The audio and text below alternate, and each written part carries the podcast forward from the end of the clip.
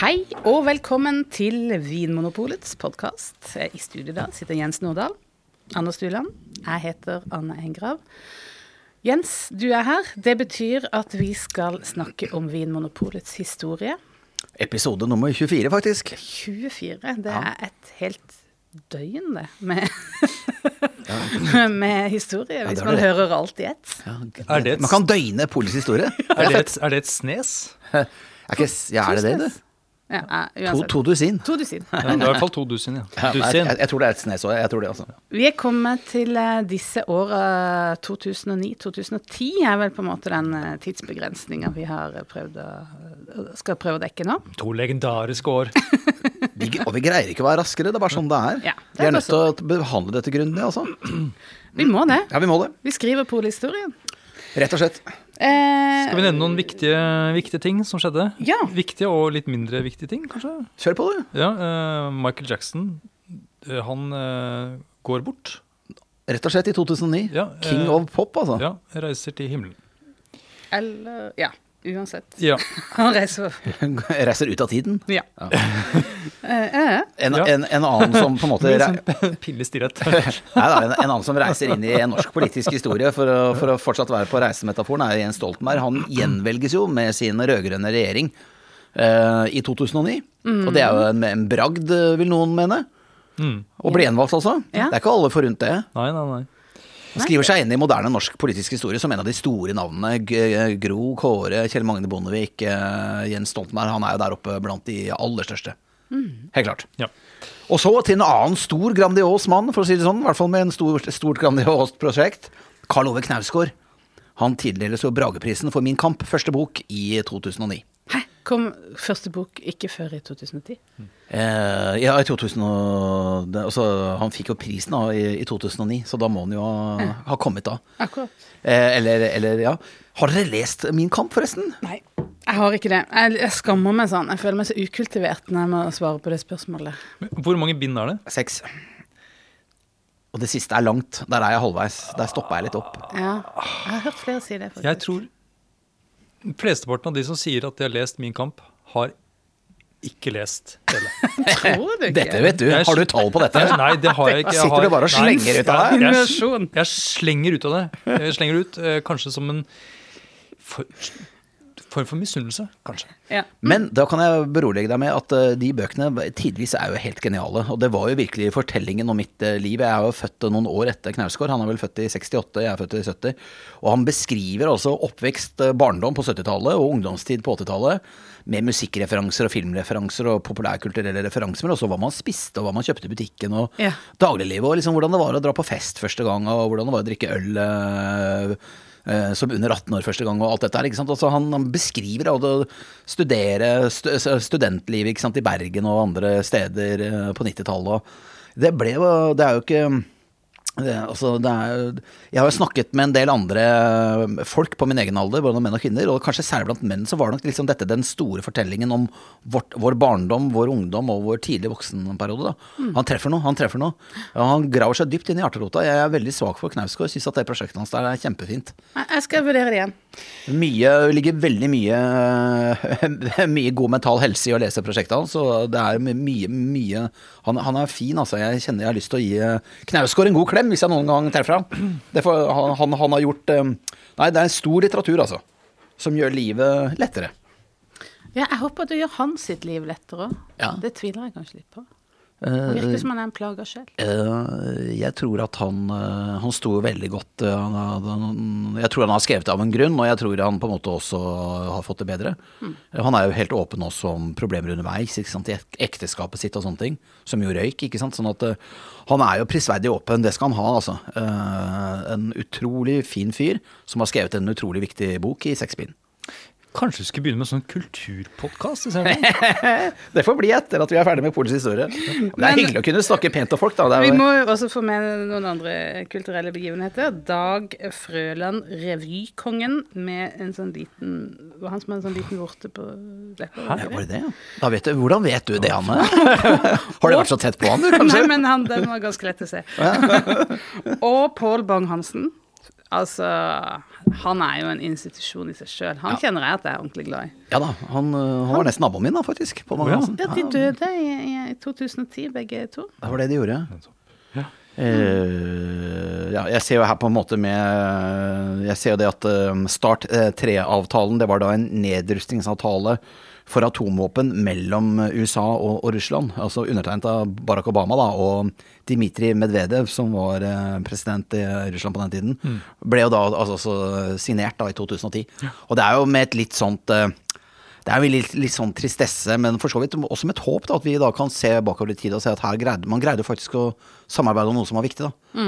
Eh, nedrustning. Jeg håper at de tider kommer igjen. De gjør det. Ja. Det er jeg helt sikker på. Uh, Eyjafjallajökull Jøkul på Island, denne, denne vulkanen som har dette fantastisk flotte navnet. Det er deilig å si det.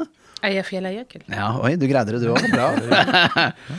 de har et vanvittig utslipp, og det varer mange måneder. Og det gir jo disse askeskyene, og det lammer jo hele flytrafikken i, i Europa, i hvert fall tidvis. Og man får da dette begrepet askefast. Eh, og denne, dette utslippet av svovel og, og aske skal jo manifestere seg rett inn i polets salgstall. Vi kommer tilbake til det. En liten cliffhanger der, faktisk. Ja. Ja. ja, for vi må inn på polet. Vi må inn på polet. Eh, Jepp.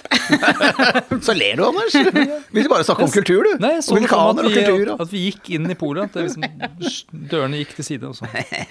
Og uh, skal vi ta litt sånn uh, Litt sånn struktur eh, til å begynne med? Det må vi nesten. Så vi skal inn på kontoret, ikke, skal- på, ikke på butikken. Nei, vi skal inn eh, i kontorgangene. Kontor mm. i, i sånne Hva heter det? Cellekontorer. Ja, for det var det den gangen Ja, det var det. Mm. Det var cellekontorer. Det var det det var. I hvert fall en liten stund. Eh, Det var det en Dronning Mauds gate var vi da. Eh, altså, nei, Kai, eh, Kai Henriksen har jo kommet inn som direktør. Eh, og han endrer jo nå eh, bedriften. Eh, ikke sånn, han snur ikke alt på hodet, men han endrer den, skaper den i sitt bilde. Eh, og vi har jo redegjort for strategien i forrige episode. altså Hvordan han har tenkt strategisk, eller ikke han, da, men altså hvordan han har fasilitert og tatt ansvar for å gjennomføre en strategisk prosess som det er bred enighet om i, i organisasjonen. Så vi skal ikke begynne å rippe opp i den strategien nå, for det har vi grundig, meget grundig redegjort for i forrige episode. Ja. Eh, Men Kai han vil også endre personkabalene. Dette virker jo å være en sånn eh, mani som enhver ny administrerende direktør nærmest har. Altså De skal eh, møblere ledergruppen etter, etter eget forgodtbefinnende. Og det er vel egentlig et prerogativ, da, eller på en måte en, en eh, rettighet de har. Eh, rett og slett. Men uansett, eh, Kai går jo også i gang, og Kjell Eliassen, som da hadde vært salgsdirektør fram til, til Kai var, han finner seg noe annet å gjøre. Og inn får vi Lasse Erik Moen, en hyggelig fyr fra Han kommer fra Coop. Eh, Erlend Leine kommer inn som ny direktør for kategori og innkjøp, altså den gamle produktavdelingen. Han kom fra Norgesgruppen, og så får vi da eh, Siv Topphøy inn som ny HR-direktør, etter at Nordis Vik Lausson, som jo var konstituert eh, direktør i perioden mellom Grøholt og eh, Kai Henriksen, eh, altså mellom Knut og Kai, eh, hun, hun drar også. Ja, for hun var jo eh, oppe som et sånn hett navn for kanskje å bli administrerende direktør. Ja, det var hun, og det var nok mange som Hun var en veldig kul dame, veldig godt likt, eh, veldig godt likt av fagforeningene. Eh, var, var og er et godt menneske eh, på alle mulige måter. Hun er en eh, veldig populær dame, men hun var ikke interessert i stillingen. Eh, hun var, av grunner jeg ikke vet, så var ikke hun interessert. Hun hadde andre interesser i andre retninger, for å si det sånn.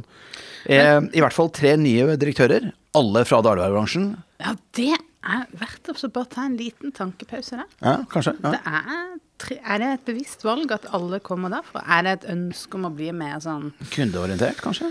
Ja, litt sånn, jeg ser for meg litt mer sånn strømlinjeforma. Litt likere eh, andre butikker som selger eh, Ja, Og- drikkevarer. Folk som har erfaring med, med kjeder. Altså at man har mange butikker rundt omkring i landet som har det samme sortimentet. Og nå har jo Kommersielt. ja, og både Lasse Moen og Erlend Eilendum og Siv Toppe er for lengst ute av polet. Eh, Men også når man ser dette i bakspeilet nå, så du, Vi skal gi Kai den at det kan, i så fall, hvis det var en plan, eh, så var den vel ganske vellykka. For at Vinmonopolet, vi, vi legger oss i tetsjiktet eh, blant Norges mest populære bedrifter eh, fra 2005 og fremover. Så Kai greier jo å gjenskape suksess. Og det er det disse store idrettstrenerne sier. Det er det som er vanskelig. Det er vanskelig å vinne et verdensmesterskap. Det er vanskelig for Karsten Warholm å vinne det første løpet sitt. Men det som er enda mye verre, er for Karsten Warholm å, å gjenskape suksess og vinne VM på VM og et OL innimellom. Det å gjenskape suksess er kjempevanskelig, og det er det Kai jobber med nå. Det, er jo, det er jo virkelig C-momentet, ikke sant. Det vanskeligste en direktør eller en leder skal gjøre. Det er å gjenskape suksess. Så i den grad eh, det var gjennomtenkt, og det var det nok, eh, kjenner jeg Kai rett, så var det nok gjennomtenkt. Eh, Så var det, viste det seg å være et klokt grep, sett i retrospekt. Helt klart. Og du nevnte jo det at han, eh, han endrer litt på navn på avdelinger og sånn. Ja. Og, og det kommer også et par nye avdelinger inn. Han liksom tilfører noen nye sånne klatter på organisasjonskartet. Ja, og jeg syns jo dette er litt morsomt, da. eh, At, eh, at eh, disse navnene på avdelingene de blir på en måte stadig mer ulne og stadig mer eh, lange, for å si det sånn. Og det er mye politikk i navnet etter hvert også. og Det, og vi, skal, vi skal ikke avsløre hva avdelingene på kjedekontoret heter nå, men altså, vi er jo nå i en prosess hvor altså, det som het salgsavdelingen i gamle dager, det blir jo da hetende kjededrift. Eh, i, uh, under, under Kai. Ja, det rimer jo egentlig med at det kommer folk fra dagligvarebransjen, Ja. f.eks. Men det kunne også vært noe man kunne tenkt på som noe som hang sammen med motorsykler eller uh, tråsykler. For, for meg, og jeg, jeg er så gammel og sur at jeg, for meg er ordet salgsavdelingen litt uh, tydeligere, litt klarere enn begrepet kjededrift. Men, men det, det, det, kan godt hende at det er meg og jeg som har et problem her, jeg må innrømme det. Og så er det veldig Nå blir det litt vanskelig, men det er veldig dumt når det er sånn problemer med å uttale KJ-lyder. Ja. Hvis ikke den sitter ordentlig, den Ja. Ja. så blir det bare liksom Det blir dumt. Ja, det kan fort bli dumt, og det har vel vært noen eh, morsomme jokes eh, der en sen nattestime, skulle man tro. Eh, Markus Ja? Nei, ingenting. Nei. Du er godt oppdratt. Prikk, Prikk, prikk, prikk. Prikk, prikk, prikk. Markeds- og produktavdelingen eh, går da fra å hete det til å bli hetende innkjøp og vareforsyning. Så kom jeg ikke på noe morsomt. Nei, det, nei, det var bare Ja, det er morsomt, det er, morsomt det, da. At det, at det ikke er morsomt. Logistikkavdelingen blir en del av innkjøp og vareforsyning, så det forsvinner. Økonomi og HR, som var sammenslått, blir da delt opp eh, i to avdelinger. Økonomi blir slått sammen med IT, og HR blir opprettet som egen avdeling. Eh, mens da vi får to nye avdelinger under Kai, nemlig juridisk avdeling, ledet av Lars Sogn, eh, og kommunikasjons- og samfunnskontakt. Her sitter vi, i, som fremdeles er en del av den avdelinga. Ja, eh, kommunikasjon og samfunnskontakt som kan forkortes til KOS. Oi! Det var ikke morsomt, men det, er- det er sant. ja, ja. Nei, da, sånn at eh, alle, alle direktører har av en eller annen grunn eh, et stort behov for å, eh, å definere organisasjonen i sitt eh, bilde. Mm. og dette må vi jo grave litt mer i en senere anledning, Anne. Finne ut hvorfor det er sånn. For at, Mm. nå har jeg aldri vært AD, og jeg kommer aldri til å bli det heller. Så jeg har ikke dette i meg, men jeg lurer på hvorfor er det sånn. Er det kanskje litt tilfeldig, eller er det en del av en plan? Det, vi får ha det som en åpen hypotese. Det som også Kanskje fordi man kan. ja, og Hvis det kun er et spørsmål om makt, så er det jo veldig interessant å pirke borti. Men eh, vi får ha dette, vi får ha dette på agendaen til en senere tid, tenker jeg. Eh, eh, eh, Kai forandrer ikke bare strategien, eller lager ny strategi. Han, bare, han nøyer seg ikke heller med å lage en ny ledergruppe. Han vil jo også flytte kontoret. Kjedekontoret. Ja. Hovedkontoret. ja, som da ble kalt Kjedekontoret. Ja, Det gikk jo da fra å være et hovedkontor til å bli et kjedekontor. Nettopp. Det var da det skjedde, selvfølgelig. Mm. Og jeg husker jo at Jo Nesbø, vi hadde jo han som en sånn konferansier på en av disse konferansene vi begynte etter hvert, og dette var et av grepene til Kai for å bygge kultur, at vi skulle møte hverandre, og da måtte det være de beste spikerne, da, vet du, som, eh, som, eh, som på en måte, ja, som, som spikere, rett og slett. Eh, Og Jo Nesbø, han stilte jo spørsmål på det, liksom, hva er egentlig et kjedekontor, og hva er en kjedekonferanse, liksom, er det, skal man sitte og kjede seg der? Altså, han syntes det var, var litt sånn dårlige ord, han òg, da, så han harselerte litt med det, og det var det han startet med, velkommen til kjedekonkurransen. Hva skal vi gjøre her? Kjedelig konkurranse. Ja. Så nei da, men, eh, men vi, vi flytter da fra Dronning Mauds gate. Det skal sies at det, det var en veldig fin utsikt i Dronning Mauds gate. Eh, Ingen av dere hadde kontor der? Ikke kontor, men jeg eh, jobbet jo litt som dommer i det panelet. Ja, ikke sant? Da satt vi jo så ned på Aker Brygge og Akershus festning og uh, havnebassenget og utover mot Hovedøya vel og Nesodden og sånn. Fantastisk utsikt. Og det solnedgangen her, helt vanvittig nydelig. Eh, lange ganger. Det var tre, vi hadde tre etasjer på over 100 meter. Og alt var cellekontor, så det var jo utro, det, fysisk struktur.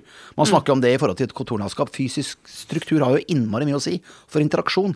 Og det er klart at det var jo ræva interaksjon, for å være litt uh, vulgær her. Det var elendig interaksjon når du har tre atskilte etasjer eh, med, med 100 meter. Det er ikke tull, vi målte opp, det var 110 meter lange korridorer. Det var en sånn lang, lang gang, jeg husker det. Og eh, Arne og Håkon de sto og kastet ball og frisbee, tror jeg. Altså, i, Ja, jeg kasta mye tennisball i korridorene selv. ja, Ja. der ser du. Ja. Men eh, eh, oppe i da Akersgata, som Ja. ble den nye eh, lokaliseringa, Ja.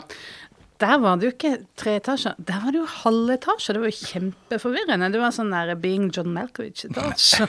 Så du visste aldri helt hvilket nivå du var på. Nei. Det var sånn Er det fjerde eller fire og en halv? Og hvor er Ja, det var veldig forvirrende, egentlig. Men denne, litt hyggelig òg. Og denne etasjeinndelingen skulle gjenspeile logikken i veldig mange framtidige beslutninger.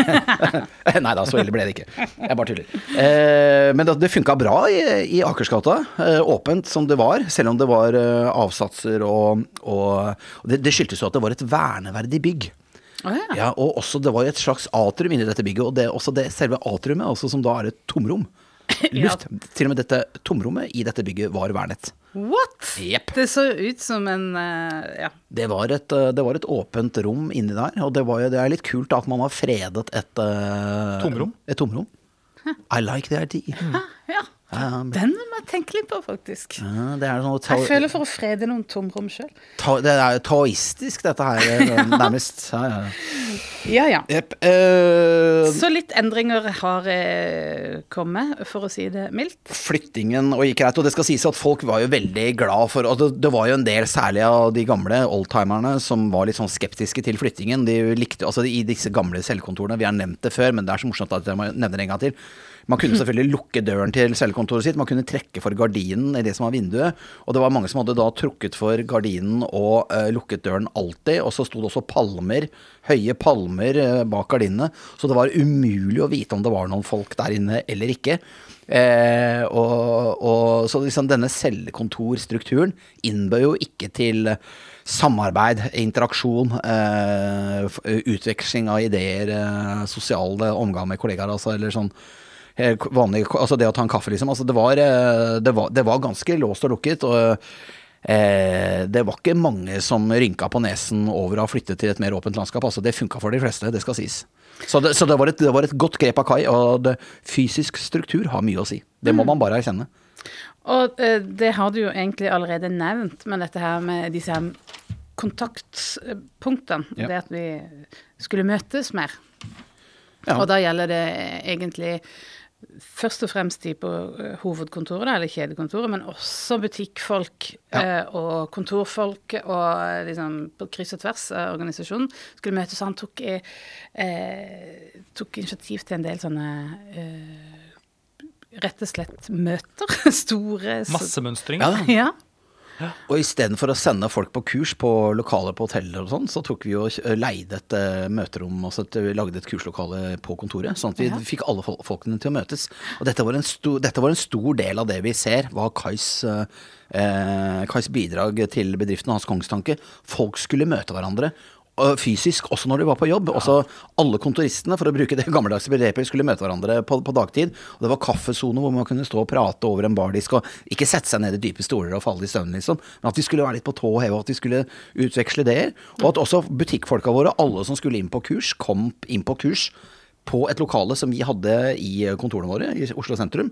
Og det var jo mye billigere å ha et eget kurslokale der. Eh, enn å drive og leie dette her rundt omkring på ledige hoteller på østlandsområdet. ikke sant? Så vi sparte mye penger. Og, og det var sikkert også en miljøgevinst i det òg, for nå kunne jo bare folk reise til Oslo eh, med beste og første og beste tog, fremfor å måtte kreke seg rundt med biler og busser ute i landet. ikke sant? Så bra for miljøet, bra for økonomien, ikke minst bra for kulturen.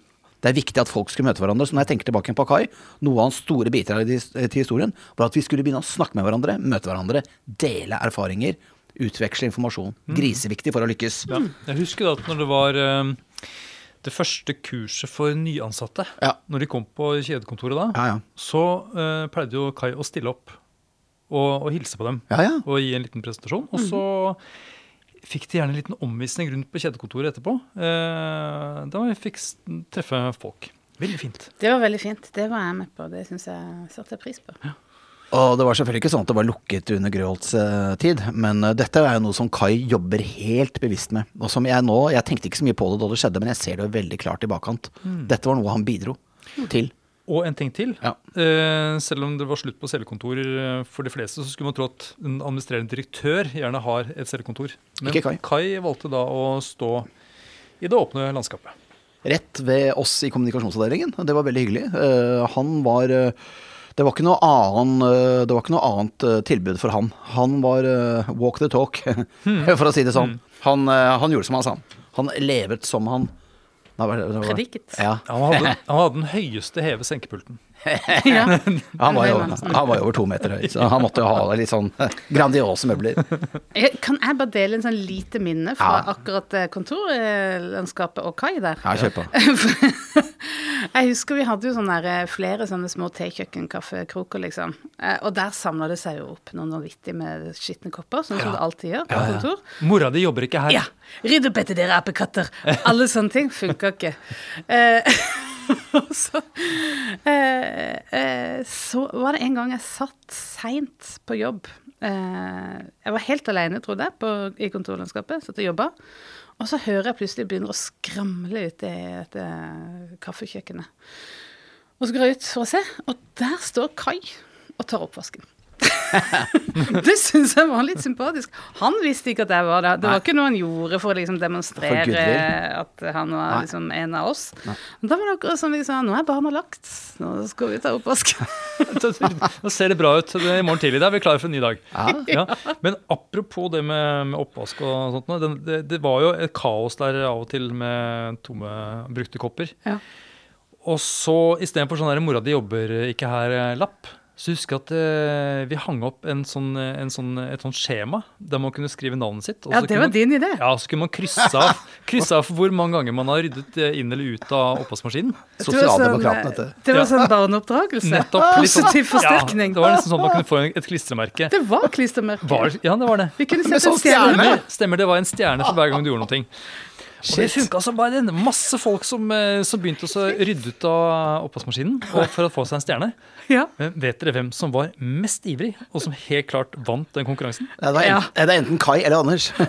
Nei, det var Kai. Det var Kai. Det var Kai! By far. Ja, og det gjorde at de andre i ledergruppa begynte å ta masse, for de måtte også få noen stjerner. Det var veldig fascinerende dynamikk. Nei, så jeg lurte på, var, Er det fordi han var oppofrende, eller var det fordi han var konkurransemenneske? Det, uansett så tenker jeg det er helt genialt av deg da å ha lest Kai så godt at du lager et system som, hvor du får direktørene til å ta oppvasken etter de ansatte. Det, det fortjener applaus, altså. Ja, det, veldig bra. Eh, nei, altså Kai bygger jo kultur her. Han endrer jo kulturen. Og vi er, vi er jo Jeg må si at jeg er ganske imponert over hva han får til. Altså, for han greier faktisk å endre kultur. Og man, man sier altså, Organisasjonspsykologer alle som er greie på uh, organisasjoner, sier det at eh, En ting er at de sier at eh, kultur spiser eh, strategi til frokost og alt dette her. Men en annen ting, altså, kultur det er seige ting å endre, altså. Men det får han faktisk til. Eh, og det er utrolig interessant å ha vært med på en reise hvor eh, kulturendringen har foregått eh, sånn som dette. Varer inn, varer ut var jo et sånt læresetning til Kai. Det er det som er liksom produksjonskjeden i Vinmonopolet. Varer inn, varer ut. Eh, kundemøte. Det var ikke ledermøte eller styremøte som var det viktigste møtet, det var kundemøte. Eh, og det var da det som foregikk i butikken som var det sentrale. Eh, det var jo våre ansatte i butikk som ble kalt for eh, servicehelter, var det ikke det? Og så var det vi på kjedekontoret. Vi måtte, han, eh, han skjønte at han måtte kalle oss helter også, så vi fikk lov til å være hverdagshelter, tror jeg. Å ja, nei, det fikk ikke jeg med meg. Jeg Det var litt sånn underkommunisert. Og så lærte vi, og så, og så bygde han jo også denne Han tok jo og forsterket dette med at vi skulle lære av de beste. Så vi hadde jo da denne konkurransen, ikke sant, Årets butikk, eh, hvor vi da lærte av de beste. Og så måtte vi møte hverandre eh, for å, altså fysisk på konferanser i regi av Polet. Vi måtte møte hverandre for å lære av det beste. Dele innsikt, dele triks, dele det vi visste fungerte. Eh, og dette, dette regimet her, sånn, denne, denne kulturendringen, det ble jo tatt veldig godt imot av, hos butikkene også. Ja. Og det er ikke så rart, for vi var jo blitt, en, blitt et vinnerlag, og det er gøy å være en del av vinnerlaget. Og her hadde jo Kai forstått hvordan vi skulle gjenskape suksess. Vi måtte møte hverandre, dele kunnskap, eh, for å fortsette å, å, å, å utvikle oss. Og vi hadde jo da kjedekonferanse på, på Gardermoen. Den het jo da no, noe, noe som jeg syns var litt lattervekkende, men den het jo Flyt i balanse. Det høres ut som en sånn Harald Eia-sketsj. det høres veldig ut som Harald Eia-sketsj.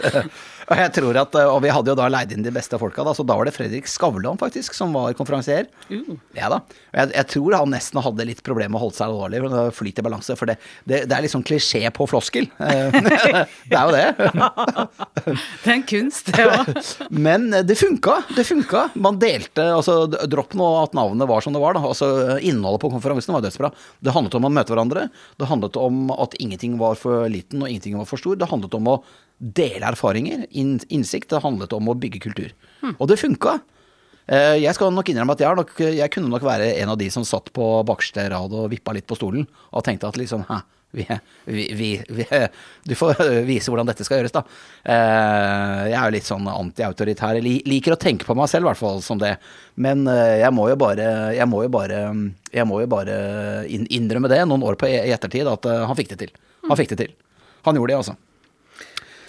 Ja. Ja, Ja, det var på Gardermoen. det var på Gardermoen, og mens vi var der, bare som en liten cliffhanger, cliffhanger til, til senere, altså mens vi var på Gardermoen og, og lot oss blemme av Skavlan, så klippet eh, kong Harald faktisk, han klippet eh, den røde snoren på en motorvei i Østfold. Da ble det firefelts motorvei til Sverige.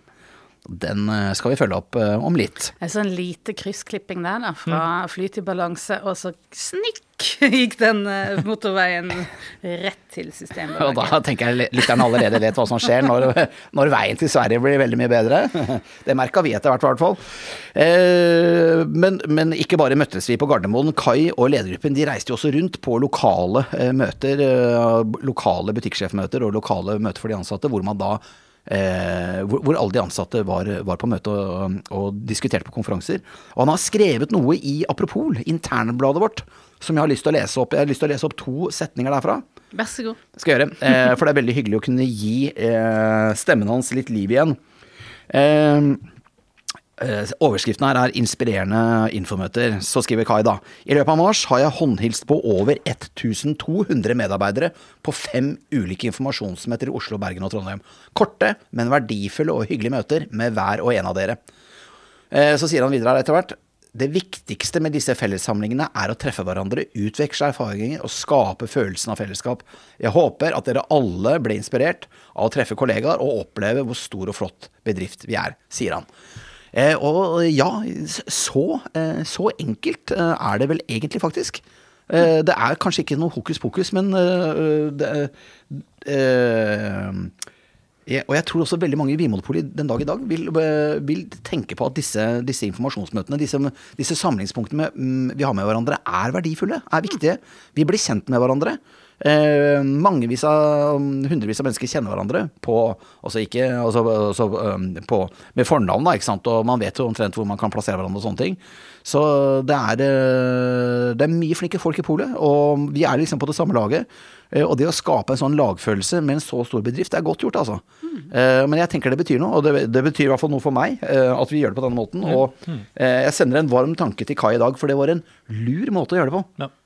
Ja, for det er at vi, ikke bare at det er mange butikker, men de er spredt utover et stort, altså langstrakt i hvert fall, land. Veldig. Jeg se for meg at uh, en butikk som holder til i Oslo skal liksom høre sammen med en butikk i Roma, f.eks. Ja, Det virker jo helt fjernt, det virker helt fjernt. men det funker. Det funker. Og etter hvert så har vi også Workplace, eh, som vi skal snakke om i senere episoder. Men altså ja, eh, et, et, eh, et flott verktøy for å kommunisere internt i selskapet. Jeg har også bare lyst til å nevne, før dere skal få lov til å nerde hardt og lenge på dette med, med varefag, Anne og Anders, men altså Kai iverksatte jo også sånn skikkelig sånn systematisk prøvesmaking av vin, av nyhetssmakinger. Og at vi da var på møter, eller messer med grossistene, at vi da smakte oss gjennom selvfølgelig ikke alle produktene, men at, man, at de ansatte da fikk rikelig anledning med å prøvesmake produkter som grossistene eh, Altså ny, nyheter, da. Eh, så man visste hva man hadde i hyllen. Og det, selvfølgelig da med, med spyttebakk og, og spytting, ikke sant. Men det var jo for Kai utrolig viktig at vi smakte produktene, lærte dem å kjenne, så vi kunne gi kundene god veiledning. Og dette var jo virkelig altså, det er jo, du, Man står for det man sier. altså vi skal, Hvis vi skal være verdensledende eller Norges ledende faghanskjede, så må vi jo virkelig ha god og dyp kunnskap om produktene vi selger. Og Kai og ledergruppen og styret la virkelig til rette for det. Vi skulle smake produktene, møte hverandre, diskutere varefaglige eh, opplevelser. Og da er vi jo midt inne i deres univers, eh, Anne Anders. For er det noen som kan mye om vinverden, så er det ikke meg. Da er det dere. Ja, for det er jo en, en av Kai sine store styrker, eh, egentlig. At han eh, var så varefaglig interessert, og han var så interessert i vin. Men det eh, gjorde jo også at han tok en litt annen rolle i Vinmonopolet enn det hans forgjengere hadde gjort. Eh, og nå er det jo ikke bare han vi snakker om her, da. Altså, Vinmonopolet er mer enn administrerende direktør. Jeg syns det er kanskje et poeng å starte litt med akkurat det. At i 2009-2008 så hadde vi et sånn ganske stort kobbel av produktsjefer som var ute som sånne eh, jaktbikkjer ute i verden. og og jobba ganske eh, godt med å oppsøke nye og spennende produkter. Eh, så det var et, eh, en periode med utrolig mye spennende lanseringer fra Polet. Polet tok en ganske sånn aktiv rolle i den utviklinga av vinverden i Norge, da. Ja, jeg opplevde disse produktsjefene som veldig nysgjerrige og åpne for eh, nye ting. Og så var det vel egentlig uttalt i en sånn sortimentsstrategi at Vinpolet også skulle ligge litt i forkant av trender. Eh, og det, Da fulgte de bl.a. med på det engelske markedet og ting som skjedde i de store byene i USA f.eks. For, eksempel, for å se liksom, er det noe der som etter hvert vil komme i, eh, i Norge. Så eh, i det hele tatt, så det, det skjedde mye spennende i den perioden under, under Kai. Ja, og det var også eh, en periode der selve vinverden kanskje eksploderte litt. Vi har jo snakka om at vi runda 10 000 eh, varelinjer, og det, det er jo en refleks, altså det reflekterer jo hva som skjer ute i verden. Mm. Ja, etter 2000 så Plutselig så, vi, eh, så får folk en veldig interesse for lokale produkter. Men også lokale, altså tradisjonelle druetyper. Før 2000 så var det mye snakk om de store druetypene Chardonnay, Merlot, eh, Cabernet Sauvignon, Pinot Noir og sånt noe. Eh, men så eh, blomstrer det overalt nesten, og spesielt vil jeg si i eh, Italia, Frankrike og, og Spania. Eh, hvor det blir en interesse etter hvert for eh, viner laget på druetyper som ingen har hørt om før. Nebbiolo. Men den er jo den har ja, den var kanskje hørt om. ja. Eh, så det ble fanget opp. Og så er det det med internett. At eh, det kom vel sånn på slutten av 90-tallet, at det ble vanlig for, eh, for mange. Ja, ja. Ja. Midten, ja. Mm. Uh, og- jeg tror at uh, fra å orientere seg i vinverden ved hjelp av vinmagasiner, aviser, kanskje reklamekampanjer og sånt noe, som kanskje var mye mer styrt, eller uh, mer i hvert fall et sted der de store aktørene var på plass. Så kommer internett, hvor alle kan fortelle sin historie og har muligheten til å bli hørt. Og på den måten så tror jeg at eh, de vininteresserte også har mye mer å orientere seg i, og forlanger at det også finnes på Vinpolet. Det blir en mindre sånn autoritært verden. Mm. Det er ikke én ekspert som forteller at dette er det riktige like. Plutselig er det veldig mye mer tilgjengelig, og det er mange måter å på en måte komme inn i den uh, vininteressen, da. Og da er det jo noen, eh, Vi har jo nevnt disse lokale druetypene, kanskje litt mer ukjente vindområder.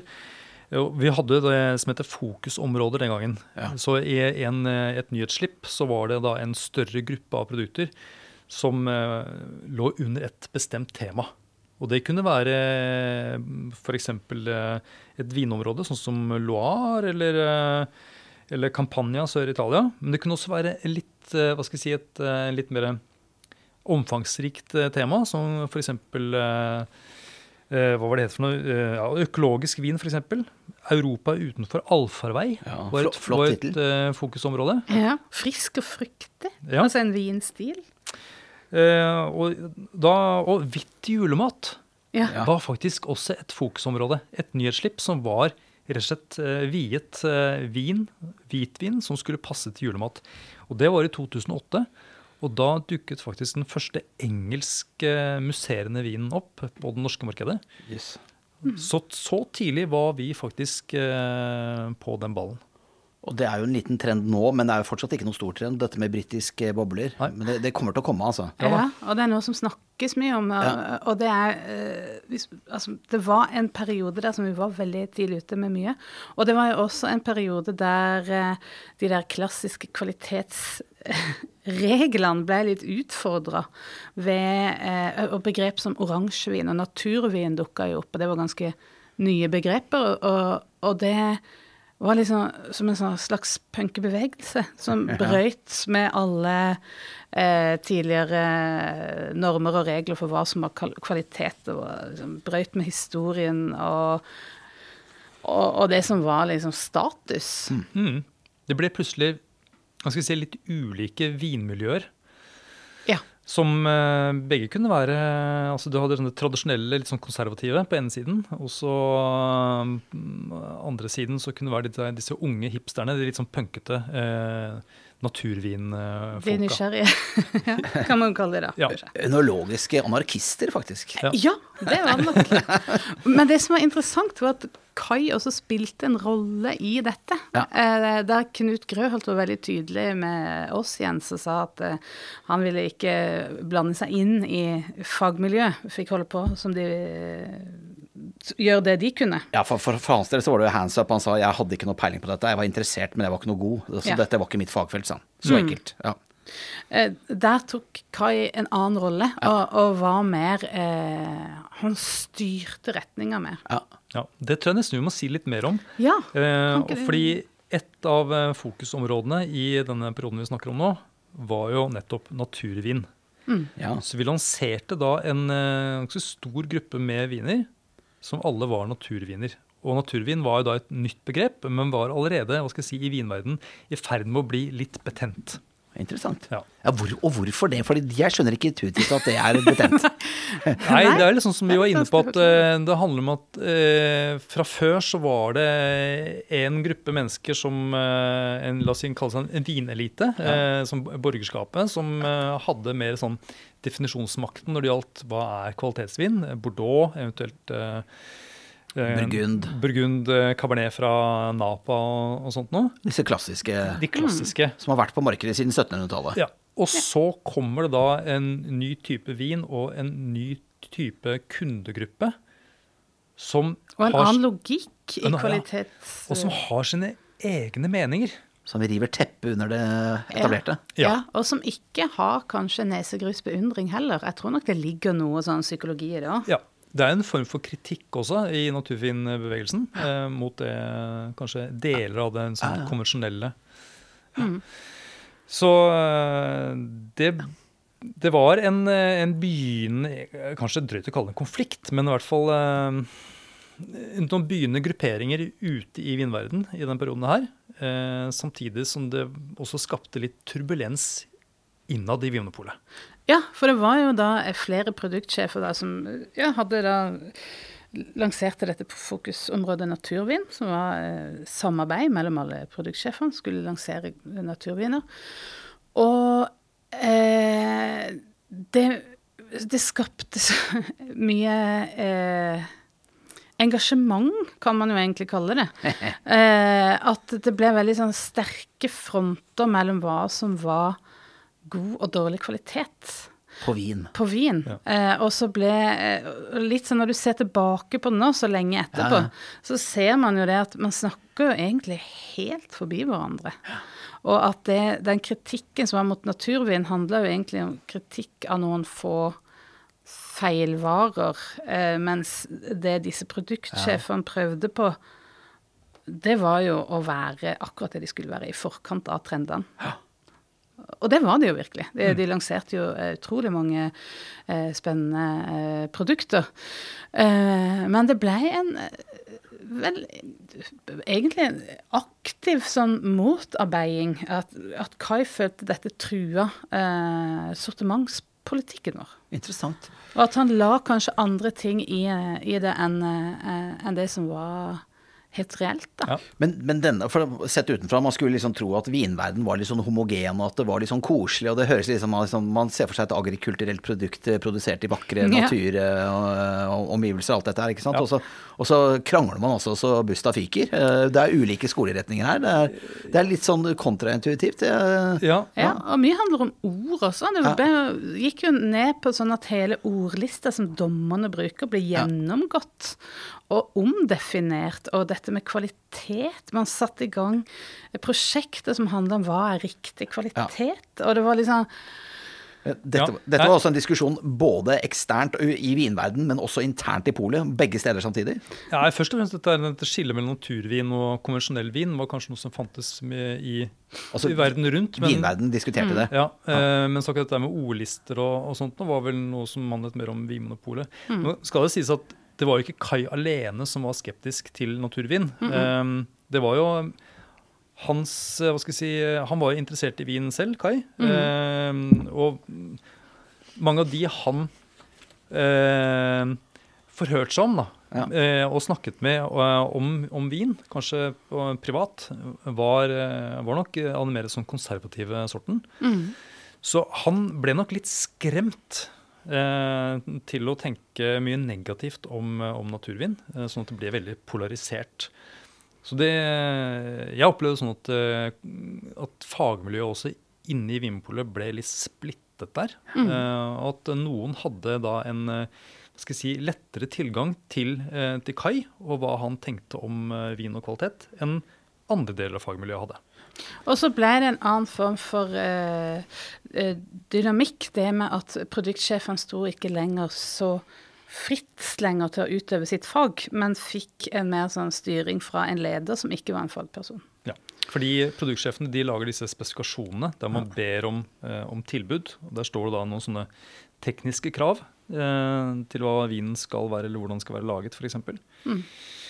Eh, og det pleide å gå ganske sånn eh, at de tok det innad i sin avdeling, men uh, nå skulle det gå via en, eh, en type en komité.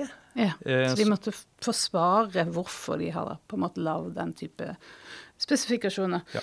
Og I den komiteen så satt det ikke da bare liksom fagpersoner, men altså andre som da skulle få mene noe om, om spesifikasjoner. Og det var for å liksom kontrollere at ikke ting gikk eh, helt, helt skeis. Og det var, gikk jo så langt at eh, i disse spesifikasjonstekstene så kunne det dukke opp en del ord, eh, og de som da var kritiske til naturvin, eh, de hadde da eh, funnet ut det at eh, hvis det var en kombinasjon, altså hvis økologisk Ja. dukket opp i denne teksten, sammen med begrepet saftig, så var det et signal om at det var naturvin man var på jakt etter. Selv om ikke det var et teknisk krav i spesifikasjonen. Og det, det er Høres ut som en sånn paranoid det, stillingskrig, det her. var, Det det var mye para, paranoia, det var egentlig. litt eh, noia, rett og slett. Fordi det hadde ingenting med naturvin å gjøre i det hele tatt. Og så når de da gikk gjennom alle spesifikasjonstekstene eh, det, den perioden, Ja. så viste det at eh, 30% av spesifikasjonene var da eh, naturviner, eh, fordi det sto økologisk og saftig nevnt i disse spesifikasjonene. Og da, da var det liksom galt av sted. Da var det, da, da var det ikke noe, noe fornuftig diskusjon lenger, Nei. tenker jeg. Og Det er jo jo- ja, jeg må bare nevne, det gikk jo så langt at det var en spesifikasjon på eh, cava, altså spanskmuseene, eh, på brutt natur, som det heter. Som betyr bare at det er en vin med veldig veldig lite sukker. Ja. Og det ble det da protester mot, fordi det het brutt natur. For da tolket man det som at det var naturvin. Så det, det ble mye uh, argumentering, og det tenker jeg, det viser liksom noe av skyggesida ved det å ha en uh, administrerende direktør som også er engasjert Det- og involvert i det fagmiljøet. Og som detaljstyrer eh, litt sånn der han har lyst. Mm. Ja, for jeg, var, jeg, har- jeg har jo ikke hatt noe dyp innsikt i dette her, men det er interessant at dere på en måte forteller om det, for det viser jo litt hvordan dagene går, da. Eh, Ja, ja. Jeg, jeg, og jeg er jo en enkel konsument. Jeg er jo ikke veldig interessert i vin, men jeg liker jo god vin, og for meg om det er en rødvin eller en oransjevin, det, det bryr meg ikke noe om, så lenge Nei, jeg liker den. nettopp. Eh, Så jeg tenker at for meg er jo dette en, en fagkrangel som jeg ikke skjønner filla av. Og som jeg ikke bryr meg så veldig mye om heller, bortsett fra at den da skjer i min egen bedrift. Men at folk greier å gå all in i dette her og, og, og på en måte lese Lese spesifikasjoner som djevelen leser Bibelen. Det, jeg kan nesten ikke fatte det, men sånn er det altså. Ja. Sånn var det, Sånn tror jeg vi skal putte, putte inn. For nå er de tingene som ble lansert da, eh, man vil ikke tenkt over det engang. Nei. Og det er bra. Ja. Men, men det at vi eh, var, vi var tidlig på naturvindballen, for å Mm. si det sånn, eh, men- pga. De, disse konfliktene og uenighetene så, så bremset det hele opp, vil jeg si, Mm. i en lengre periode. Så vi, eh, jeg tror nok at vi, vi, vi sakket nok akterut når det gjaldt eh, naturvind en, en periode. Litt pga. Dette her. Interessant. Eh, og en annen ting som var en en sånn føljetong egentlig etter dette her, var jo eh, Det var jo en del eh, Altså, en del av disse vinene var jo, var jo litt spesielle. Eksempel så ble det lansert eh, rødvin som hadde bobler. Altså en perlende rødvin. Ja, kult. Det har jeg smakt. det var en av disse vinene som dukket opp i denne naturvinfokuset. Ja, så godt, det. Eh, Men også oransje viner dukket opp. ikke sant? Eh, og dette var viner som enten sto som vanlig hvitvin i hylla, eller som vanlig rødvin i hylla. Aha. Og det var jo noe, altså Når kundene kjøpte det uten å vite hva det var, Ja, ja. så, eh, så, så ble hun eller han da overrasket når, eh, når det ble åpnet hjemme. Ikke Og da ble det, kunne det bli reklamasjoner. Mm. Og da eh, Enda det var topp kvalitet. Ja. Ja. Eh, og, og da, Eller riktig kvalitet, som noen ville sagt. Og da eh, tenkte jo eh, vi i kommunikasjonsavdelingen at her er det viktig å kommunisere ut til kunden Ja. eh, hva slags produkt det er. Så eh, oransjevin f.eks. Der ble det, fant vi ut at her, vi må lage en binders, altså noe som kan festes på hylleforkanten, Mm. der det står oransjevin, sånn at man skjønner at dette her er ikke en vanlig hvitvin. Nei. Så den oransjevinbindersen den ble eh, laget, og den, altså den ble trykket opp, og den ble til og med sendt ut til en del butikker eh, før den da ble stoppet fra øverste hold. Oh, ja. Fordi hvorfor det? Man, nei, man, man skulle ikke pushe altså denne typen vin. Det Ja. var, eh. De skulle liksom Det var ikke en profil vi skulle ha. Nei. Men det hadde jo løst problemet, på en måte. I hvert fall overfor kundene Ja. da, og reklamasjonene. Ja, altså Det er veldig mye med dette her som jeg, jeg kan liksom skrive på kappa for Ja. at man er uenig i hva som man skal ha i hyllene og ikke. Men akkurat den biten der, det forstår jeg ikke. Det har jeg ennå ikke i dag skjønt. Eh, vi fikk vel egentlig ikke noen god forklaring på det heller, men da var det så betent at da ble det bare liksom Alt ble bare lagt helt dødt, og så eh, måtte vi fortsette med andre ting, rett og slett. Ja, ja. ja. Men det var litt sånn. Det var litt sånn, Og vi fikk beskjed om å begynne å skrive mer om vanlig vin og sånt. nå. Ja. Ja, ikke om sånne rare små områder og sånt. nå. Det skulle være litt mer ripasso, barbera og sånt. nå. Og så tok det vel åtte år før uh, oransjevinbindersen uh, fikk lov til å henge på hylleforkanten. ja. Og og jeg vet at internasjonalt så har man jo diskutert eh, inntil ganske nylig om 2020, eller var det 2021, kanskje var året hvor oransjevin endelig skulle bli anerkjent som egen kategori eh, internasjonalt, da, som altså vinstil eller vintype. Ja. Eh, så, Den er jo ikke det ennå i EU sitt system. Nei, den er ikke Og det. det har jo også vært et av motargumentene eh, for å ha en sånn vinters. At det ikke er, det er ikke en egen vintype i, i EU. Men eh, ja. Ja, man kan jo tegne opp en firefjellstabell, ikke sant, og eh, hva blir det for noe da? Blå druer eller røde druer, ikke sant, med, med skallemodning, ikke sant, det blir rødvin. Uh, uten skallmodning blir det rosévin. Eh, og da uten, uten skall, uh, hvis det er grønne druer, blir jo da hvitvin, ikke sant. Og hva da, hvis du skallmodner med eh, lagd på grønne druer, ikke sant. Ja. Jo, i en sånn firefeltstabell, jeg vet ikke om lytterne henger med nå. Jo da. Ja, men da, da, da er det jo oransjevin. Ja. Så i hvert fall i en firefeltstabell, for jeg som er statsviter, kommer fra Blindern. Vi er vant til å putte verden inn i firefeltstabeller. Ja. I firefeltstabellen så mangler vi i dag Ja, en kategori. Ja. Og der er jo oransjevinen. Og jeg er jo ikke et sekund i tvil etter å ha smakt oransjevin for første gang, så tenkte jeg ja, selvfølgelig. Dette er en egen kategori. Jeg har aldri smakt noe lignende før. Men jeg tror det er Kjempegøy. juss. Jeg tror det er juss. Jeg tror det er Ja. Ikke vet jeg. Historie. Det er Ja, mye. ja. Vi starter ikke en ny debatt her nå. Vi, vi, bare, vi, vi, vi redegjør for den gamle. Ja. Men Eh, jeg syns det er ja. interessant å ta med akkurat i denne sammenheng. Både fordi det Ja. skjedde da, ute i vinverden, inne på kontorene, eh, til dels ute i butikkene. Og jeg syns det sier noe om fagmiljøet, eh, som var prega av, av mangfold, som du sier. Ja. Og, og det sier noe om, også om Kai som leder. Som var personlig engasjert i det faglige. Ja. Ja. Og vi har en lang liste med ulike typer eh, lanseringer eller fokusområder der som kom under Kai, og vi skal ikke lese alle. Men det, altså, dere tok jo noen av dem, da. og Det er liksom rett og slett bare for å vise dette mangfoldet som jo styrkes noe van, vanvittig under Kai. Burgund for enhver anledning var eh, et eh, Ja. ja. Det høres jo så Ja, ja. Nå som Burgund er noe av det dyreste vinet, viner du kan få tak i, så er det utrolig Det er jo Ja. Kla klassiker med en vri, jeg vet ikke om, om dere nevnte den. Eh, frisk og fruktig, portvin og madeira. Eh, Toskana, økologisk vin osv. Så, videre. så det var jo en vanvittig bredde i det vi lanserte også i denne perioden. ja. Eh, en veldig, veldig spennende tid. Eh, og eh, skal vi rett og slett gå videre til eh, noe helt annet, Anne. Nemlig målinger. Balansert målekort. For altså, dette var jo også Kai i et nøtteskall. Vi kunne jo ikke bare sitte og, og finne på ting uh, og, uten å vite om det hadde noen effekt. Han var jo ekstremt rasjonell og veldig logisk i alt han foretok seg. Ja. Så vi begynte jo å måle ting. Eh, og han innførte da et system som vi kalte for balansert målekort. Det hø høres ut som noe en økonom vil på en måte Ja. Gjøre, å starte målinger. Ja da, og Kai var både økonom og politiker og eh, mye rart, da, men han likte veldig godt å vite at han var på rett, rett vei. Ja. Vi hadde selvfølgelig hatt målinger før også, men dette blir jo i utrolig grad styrket under, under Kai.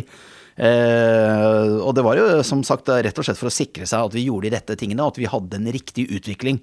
Eh, og da har vi rett og slett bare stilt oss spørsmål hva var det vi målte da? Hva var det som var vi- vi- viktig for oss? Jo, og da skal vi bare raskt lese en liste her. Jeg tenker det er greit. Så det ikke på en måte blir hengende i luften her. Altså alderskontroll, hvor gode var vi på det i butikkene? Det var jo helt eh, avgjørende for oss å utøve ansvarlig salg. Eh, driftsresultat, altså penger. Vi må jo levere et pengekrav til staten, eh, så vi ikke sløser, eh, sløser med, med midlene våre. Og at hadde, vi, hadde, hadde polet vært sløsete i drift, hadde vi kost, vært dyre i drift, så hadde det vært et argument for å legge oss ned. Produktivitet var noe vi måler. Lavfrekvente varer skal vi ikke ha for mye av. Eh, miljø, altså miljøbelastning, altså miljøutslipp, ikke sant. Er det der miljøfyrtårnet og Ja. sånne ting kommer inn? Helt riktig. eh, at butikkene våre blir sertifisert én etter én. Kundetilfredshet, det måler man jo både i egne barometere, men også i eksterne barometere. Medarbeidertilfredshet. Ja. If you take care, uh, take care of the inside, the inside will take care of the outside, er det det heter? nettopp. På litt sånn stotrete engelsk der, men det, det er en slogan som man må huske. Eh, sykefraværet, selvfølgelig, man må følge med på. ja. Og det husker jeg han snakka mye om. Han bare Men jeg klarer ikke se hva som gjør at det går opp eller ned. Nei. Han klarte ikke å se sammenhengen. Nei, og det det var en sånn frustrasjon over det. Hva er det som gjør at det stiger, hva er det som gjør at det synker? Er det rett og slett tilfeldigheter? Han var inne på tanken. Han ville til bunns, vet du. Ja. Han, var en, eh, han hadde en kraft i seg som var ekstremt fascinerende, og en, også en intellektuell kraft. Mm. Han slukte jo bøker i et vildens uh, I et helt vanvittig tempo. Ja. Fy søren, han leste mye bøker. Eh, omdømmemålinger, selvfølgelig. Eh, vi har jo kommet fram til kommunehjørnet nå, kanskje, Anne? I hvert fall håper jeg. Har vi kommet fram til kommunehjørnet? Ja, ja, ja, kom an! Vi åpner- Nye Pol. Ja da, det blir vel rundt ti, eh, tror jeg det er, eh, i, eh, i 2009. eh, I hvert fall tett på. Laksevåg i Bergen, bydelen Laksevåg får pol. Vår minste butikk i Bergen, det. Eh, Sola, eh, det er et flott navn. Altså Sola på vest for Stavanger, på. Jæren for. Det er en ganske stor kommune. Vi åpner jo en del butikker på Jæren i denne perioden, og det er fordi at eh, avholdskulturen ganske lenge var regjerende på Jæren, altså 80-tallet, 90-tallet. Så vi hadde jo ikke så veldig mye butikker der. Så der, der kommer det faktisk et lite rush eh, av polåpninger på Jæren eh, på denne tiden her. Eh, Nesbyen, eh, stedet i Norge med er det både kulde- og varmerekord? Eller i hvert fall varmerekord, da. Oh, ja, det er sånn innlandssted, Ja, ja, det sted, ja. ligger i, denne, ligger i sånn gryte, vet du. Så Nesbyen har varmerekord. Akkurat. Og den tror jeg er fra 1970. Den er eh, 33,7 eller noe sånt nå. 32,8. Det er noe oppi der. Jeg husker Den blir sikkert slått snart. Dessverre. Ja, ja, dessverre. Så kommer det Vågsbygd, da, i Kristiansand. Ja, Der har du vært, eh, tror jeg. der har jeg vært. Det er sikkert Trekanten senter. Ja, jeg har ikke vært der, nemlig. Men, øh, men i hvert fall ikke Vågsbygd. Men de fortjente et pol. Ja. Eh, Klepp, som jo er nabokommunen til Sola på Jæren, får butikk. Ganske stor kommune, det òg. Eh, Jevnaker, eh, som jo ligger i grensetraktene mellom Hønefoss og Gjøvik på et vis, da. Også i litt sånn indre, indre darker eh, lands og, og grensetraktene mellom Oppland og Buskerud, gamle Oppland og Buskerud. Men Jev- Jevnaker er et trivelig sted. Og så har de fått så flott museum der, han Kristin Svea du, med den der eh, The Twist. Å ja, det der, Ja, veldig kul park. Der har jeg vært. til å eh. Ja, det er mye fin kunst, og det er veldig mye fin kunst ute. I naturen. Altså, man går rundt i en sånn veldig kul skulpturpark. Så jeg vil anbefale alle som ikke har vært der, om å dra dit. Og så går man da inn i denne The Twist. Dette, dette bygget som vrir seg over eh, en elv, ikke sant. Ja, et museum som er et kunstverk i seg sjøl, nesten. Ja, ja, det er et ikonisk. Og det er jo sånn at eh, her drar jo New York Times og liksom andre hot aviser De drar til Jevnaker for å se på dette, ikke sant. Så Kristin Sveas har virkelig satt eh, Og det er gamle Kistefoss, da. ikke sant. Gammel, gammel industri der. Så ta en tur til Jevnaker, altså. Eh, Vestnes eh, Utenfor Molde. ja, sør for Molde, ja. En tre kvarters fergetur sør for Molde. Der er det jo skipsverft og den type ting som regjerer. De fikk Pol i 2009. Det samme for bydel Grorud. Det er vel den siste bydelen i Oslo Hvis ikke er det nest siste altså, Vi, vi, vi mangla vel faktisk på Lambertseter, men altså det, da begynte Oslo å bli komplett i forhold til Pol i hver bydel. Så Grorud fikk da eh, sitt Pol i 2009, og Sør-Ordal, Skarnes Selveste Øystein Sunde kommer derfra, vet du. Det er utrolig at du har noe å si om hvert eneste sted. Odal. eh, Odalen. Ja da, eh, det er eh, trivelig. Odalen er my- mye, mye, mye landbruk der. Men så, Anne. Vi er jo, som vi var inne på i forrige episode, så er vi Jeg vil ikke si at vi er høye på oss selv, men det, vi har jo vind i seilene, for at vi suser av gårde. Ja. Salget går så det skal. Altså, vi, vi er godt likt av befolkningen, vi åpner nye butikker. Det er veldig, veldig greit. Men så plutselig, da, sommeren eh, 2010, så detter jo salget over natten. Eh, og for de av oss som sitter og følger ta eh, salgstallene omtrent time for time, vi så dette ekstremt tydelig. Vi hadde aldri sett noe lignende, og plutselig så sank bare veksten som en stein. Det ble jo negativ vekst. Vi Hva skjedde? det lurte vi på! Ja. Hva i all verden skjedde? Det som jo var foranledningen, var jo at eh, det var eh, finanskrisen som hadde startet da høsten 2008, varte jo gjennom da fra september og ut eh, resten av 2008, og for så vidt gjennom hele 2009. Og da hadde jo da eh, myndighetenes råd til den norske befolkning var at man måtte kutte kostnader ved å droppe utenla- eh, utenlandsreisene, eh, og kanskje også spare eh, utgifter som man ikke strengt tatt nødvendig hadde behov for. Dette hadde resultert i at folk reiste mye mindre til utlandet, eh, og at man også var mindre på byen, mindre på i hvert fall dyre restauranter. Så vi hadde nok fått en effekt av dette her. Men våren 2010 så var folk drittlei. De var drittlei av å sitte hjemme i sofaen og spinke og spare. De ville ut, ut i verden igjen, rett og slett for at med unntak av, så vidt jeg husker det, så var det vel egentlig bare Stord. Eh, mulig jeg nå roter litt med et annet vestlandssamfunn, men det var, jeg lurer på om det var verftet på Stord som mistet en kontrakt eller to, og som sånn sett da måtte permittere noen folk. Men utover det så var det veldig liten strukturell effekt av finanskrisen i Norge under eh, årene 2008-2009. Eh, som sagt med unntak av noen sånne offshore, eller i hvert fall noe, no, no verft på, på, på, på Vestlandet. Sånn at folk var, hadde jo da ganske mye penger og ville ut og bruke dem. Ville bli big spenders eh, våren 2010. Men og så hadde man da kjøpt flybilletter til utlandet. Men eh, på, eh, på våren 2010 så var det vekterstreik, og vekt, vekterne var altså ikke på jobb og fikk folk gjennom slusene. Så det var en grunn til at da flytrafikken eh, gikk med veldig bremsende effekt, for å si det sånn. En- Enda, enda mer bremsende på flytrafikken var denne allerede nevnte Eiafjellajökull på, på Island. Ja. Som jo hadde mange utbrudd, eller iallfall en lang periode med utbrudd, fra mars-april, tror jeg, og gjennom hele våren. Sånn at det var, eh, det var veldig mye aske, og disse askeskyene som gjorde da at eh, flyene rett og slett måtte stå på bakken. For det var jo, det var jo ikke sikt gjennom Europa, ikke sant? Ja, det, sånn en situasjon man aldri kunne gjette på at skulle oppstå. Rett og slett. Og da var det jo slik at eh, vekterne var ikke tilbake igjen på jobb, og askeskyen var ikke blåst vekk før omtrent 1. juli eh, 2010.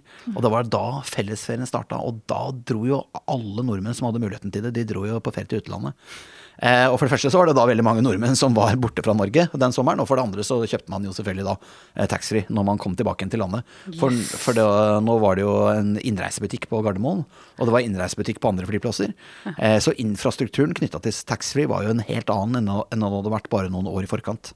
Og det var dette vi merket. Vi skjønte det ikke helt med en gang, men det var dette vi merket. Og det er klart at da, når salget vårt stuper, og det er ikke fordi at vi da ikke selger eh, nok alkohol, det er ikke det det går på, men det går på at Eh, en ting er at man er redd for å miste markedsandeler, og at sånn sett polet blir eh, irrelevant rent alkoholpolitisk. Men det andre går jo her på at man har jo noen kapitalkrav som man ikke kan eh, levere på. ikke sant? Hva da med eh, utgifter? Hva da med lønn? Hva da med ditt? Hva da med datt? Vi har en veldig liten bruttomargin, den ligger ned på 0,7% ikke sant. Så Eh, så man har en liten kapitalbuffer mot, eh, mot uh, uforutsette ting, men vi er billig i drift. 12,7 er avansen vår. Det er lite da i forhold til andre detaljister, altså annen varehandel. Så når salget stupte, så Så det ingen grunn til å tro at plutselig så slutter folk å drikke? Nei, og i så fall om det hadde vært tilfellet, så hadde det vært en veldig god nyhet for folkehelsen. Absolutt. Mm. Men her visste vi jo det, eller vi skjønte jo ganske raskt at uh, flytrafikken, som hadde hatt negativ vekst gjennom hele høsten 2008 og gjennom hele 2009, var en nedgang på 10-12% Når den plutselig økte med en 12 fra sommeren 2010, mm. eh, så skjønte vi jo at dette har en sammenheng, ikke sant. Eh, det som også skjedde sommeren 2010, var jo at eh, Aktis, våre venner i avholdsbevegelsen, de gikk jo til eh, Eh, til finansministeren, Sigbjørn Johnsen, ikke sant, Arbeiderpartiet, og sa at uh, kjære finansminister, ser deg i bakspeilet her, altså enten det er krise, som under finanskrisen, eller det er vanlig i år. Vinmonopolet har en stabil vekst på 4-5% uansett.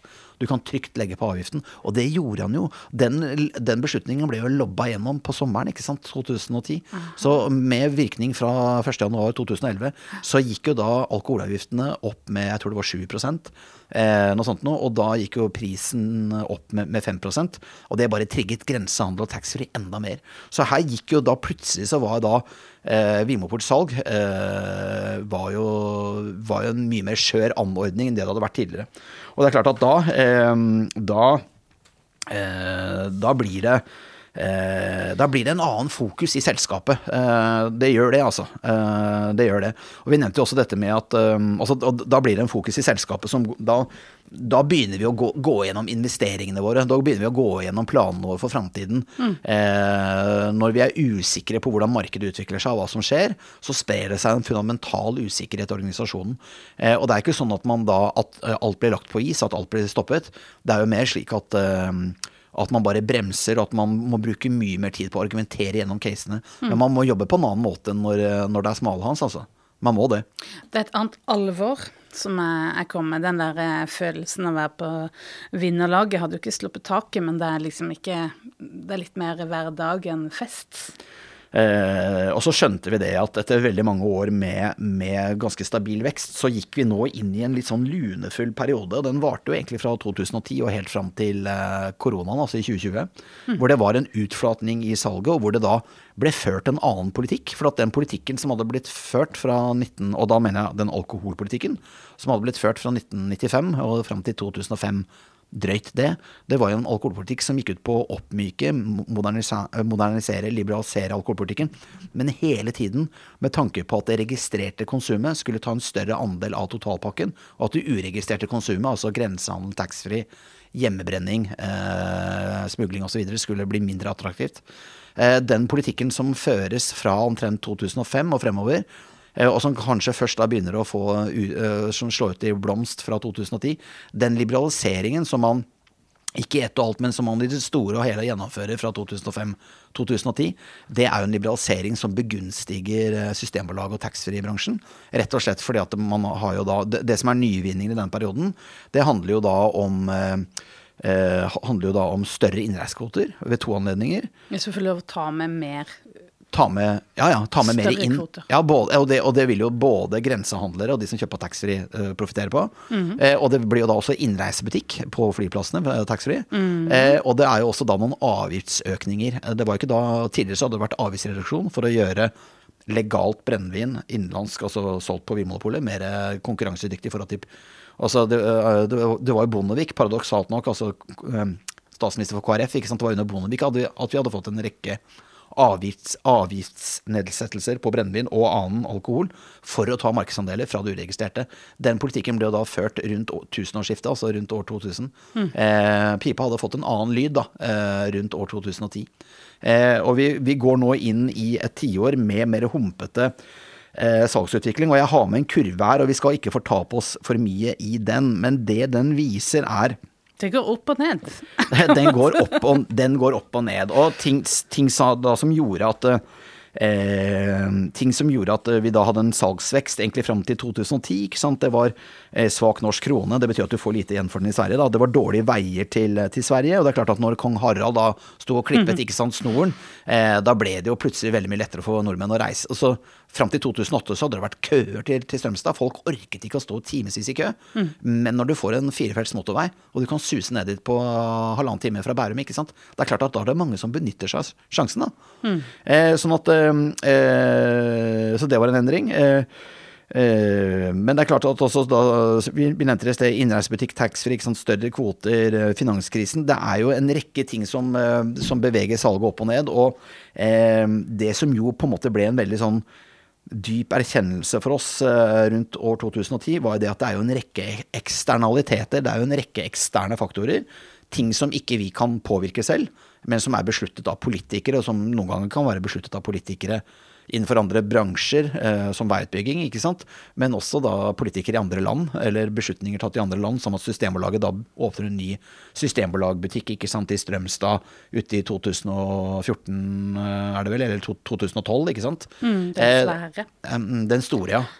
Eh, hvor det selges liksom fem ganger mer enn det vi selger i vår største butikk. Og det er først og fremst nordmenn som kjøper der. ikke sant? Så det er klart at her er det en rekke eksternaliteter som påvirker polets salg, og som gjør at vi må følge veldig nøye med på salgsutviklingen, gitt at vi skal levere på disse økonomiske kravene som stilles til oss.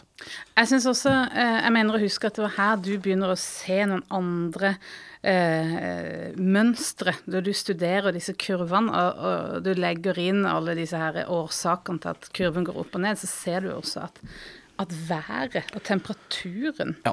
er en del av disse driverne som får sånne topper, eh, og som styrer både salget i volum, men også eh, hvilke type produkter som blir solgt. At vi går mot det lysere og lettere.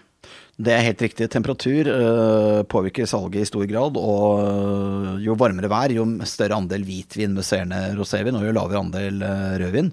Og med tanke på at Norge da beviselig blir varmere for hvert år, så, så får vi da en vridning, akkurat sånn som du sier, mot det lette og det lyse.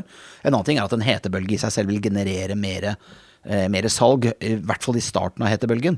Da er det akkurat som at nordmenn henter fram sin indre sydeuropeer, og så inviterer man eh, naboen og familien og, og venner på, på fest. Det blir mer grilling, eh, vi slipper oss litt løs. Det er ikke noe man orker å gjøre i ukevis, men det, når, alltid når det kommer en hetebølge, så går salget vårt opp en 10-12% den første uken som, eh, mot en, målt mot en vanlig uke, som følge av hetebølgen. Og jo lenger da hetebølgen varer, sjelden de var noe særlig mer enn tre uker, da. Men hvis du da får en sånn tre ukers hetebølge, så er nesten effekten på en måte null igjen mot slutten av den treukersperioden. Jeg syns det er så interessant at du kan fortelle alle disse hvordan vi oppfører oss, atferden til nordmenn, med hjelp av Vinmonopolets salgskurve. Kanskje ikke alt, men mye i hvert fall. Det er, my, det er mye interessant der. Ja. Det er mye interessant. Eh, Men, Yes. men uansett, altså 2010. Og det er, øh, Kai treffer jo litt planke når han oppsummerer året 2010 i årsmeldingen. Han sier det, og jeg mener han har sine ord i behold, altså, men han sier det. Jeg skal bare lese kort her. Eh, mye tyder på at eh, 2010 er det beste året Vinmonopolet noensinne har hatt, sk skriver Kai i lederen sin i årsmeldingen. Aldri før har Polet hatt så tilfredse kunder som nå, ei heller så fornøyde medarbeidere. Samtidig leverte selskapet et godt økonomisk resultat i 2010. Politisk står Vinmonopolet sterkt. Det er få, om noen, krav i debatten i dag om wienerbutikk eller om å avvikle monopolordningen.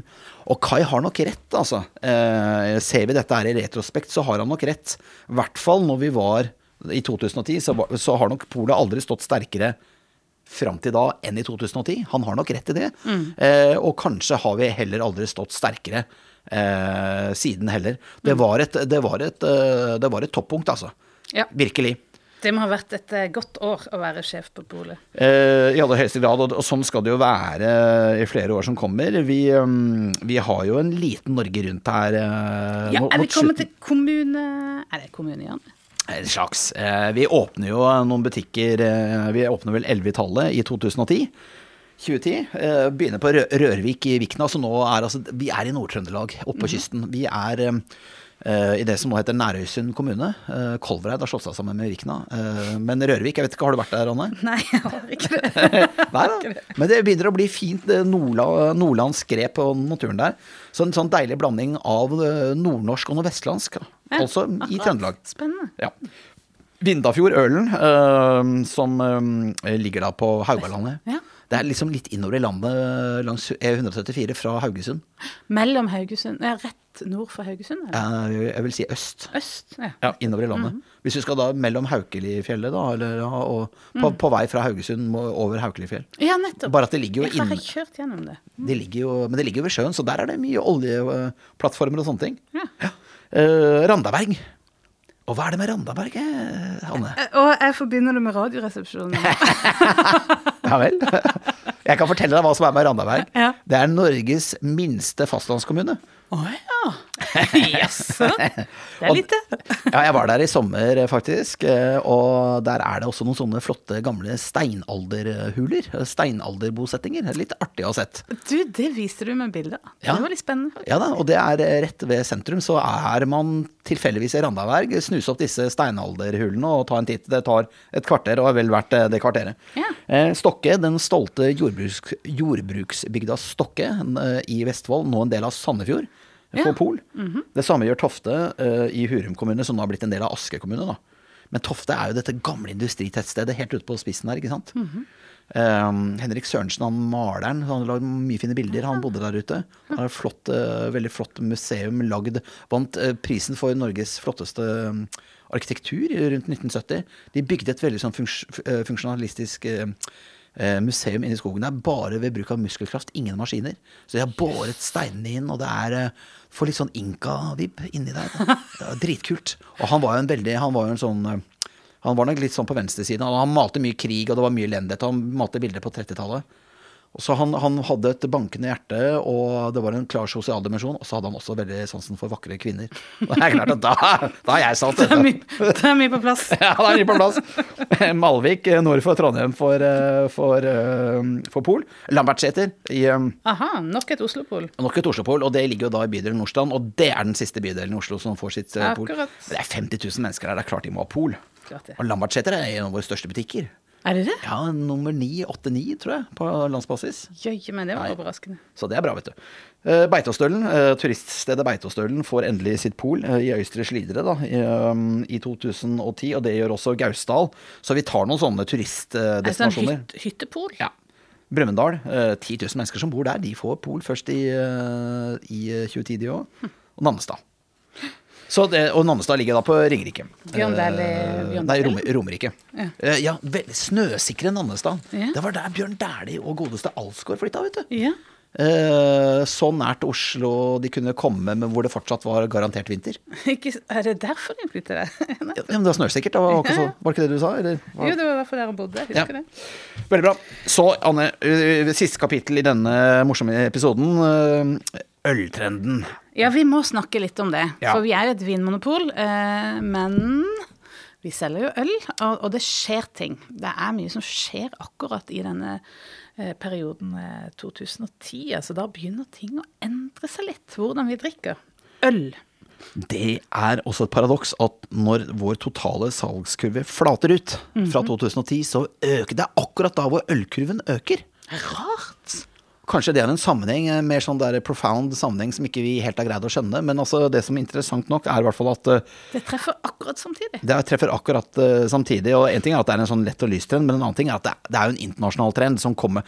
Nå hadde jo vært litt tidligere i Danmark.